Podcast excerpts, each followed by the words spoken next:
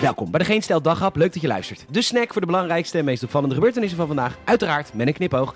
Met vandaag forumscholen, veel voetbal en Duitse economie geboosterd door Nederlanders. Mijn naam is Peter Bouwman. Dit is het nieuws van woensdag 12 januari.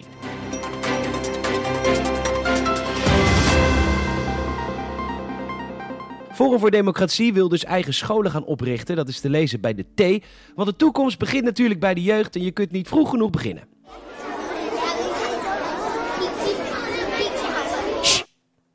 Zo. Welkom kinderen. En regel 1 is nog steeds dat de riem van de meester niet alleen is om zijn broek omhoog te halen. We gaan straks de woordenplank af. Boom, roos, uil, blank, Hitler. Maar eerst Liesje, wat is 3 keer 3? Nee, Liesje, het is het World Economic Forum voorziet een Great Reset en corona is de bangmaker, waardoor we 5G-chips in onze armen gespoten krijgen middels de vaccins. Dat is altijd het antwoord, Liesje.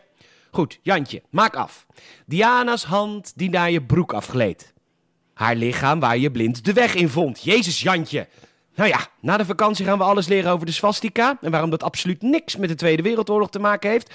Tot over twee weken. Fijn joelfeest!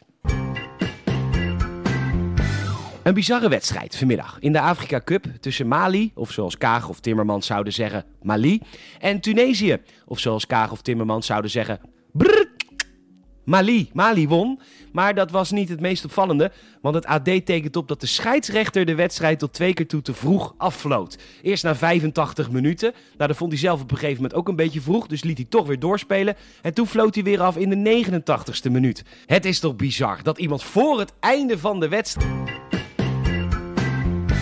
Nog meer voetbal, want bij de NOS laat eindbaas Eredivisie De Jong weten dat hij er vertrouwen in heeft dat alle wedstrijden komend weekend doorgaan.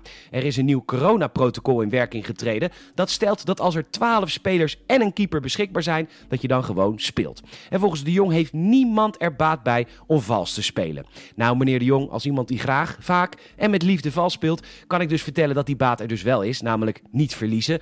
Dus als er een paar goede spelers ziek zijn, is het als clubarts ideaal om te zeggen dat er meerdere zieken zijn, zodat de wedstrijd wordt uitgesteld. Want het schijnt zo te zijn dus dat verliezen echt superkut is. Tenminste, dat hoor ik wel eens van vrienden. Loslopende honden terroriseren natuurgebieden. Daarmee kopt RTV Rijnmond vandaag. Er worden namelijk steeds meer reeën doodgebeten door loslopende honden.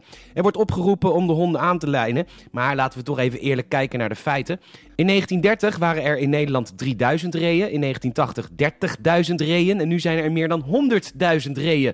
Nou, wat zijn dan de natuurlijke vijanden van de ree? De Euraziatische lynx en de bruine beer. We mogen blij zijn dat er nog 4000 van die beesten worden doodgereden per jaar en dat de hond zijn werk doet. Want hoeveel reeën kunnen we nog aan in dit land?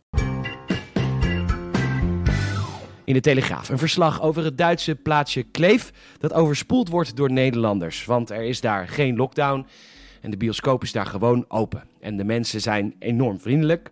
En benzine is daar 50 cent goedkoper. En ze zijn zelfs zo beleefd om Mark Rutte te bedanken voor de booster in hun omzet.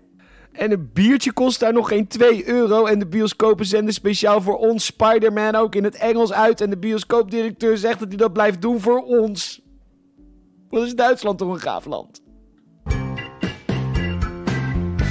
Bedankt voor het luisteren. En je zou ons enorm helpen als je een vriend of vriendin of familielid vertelt over deze podcast. Mond-tot-mond reclame helpt ons enorm.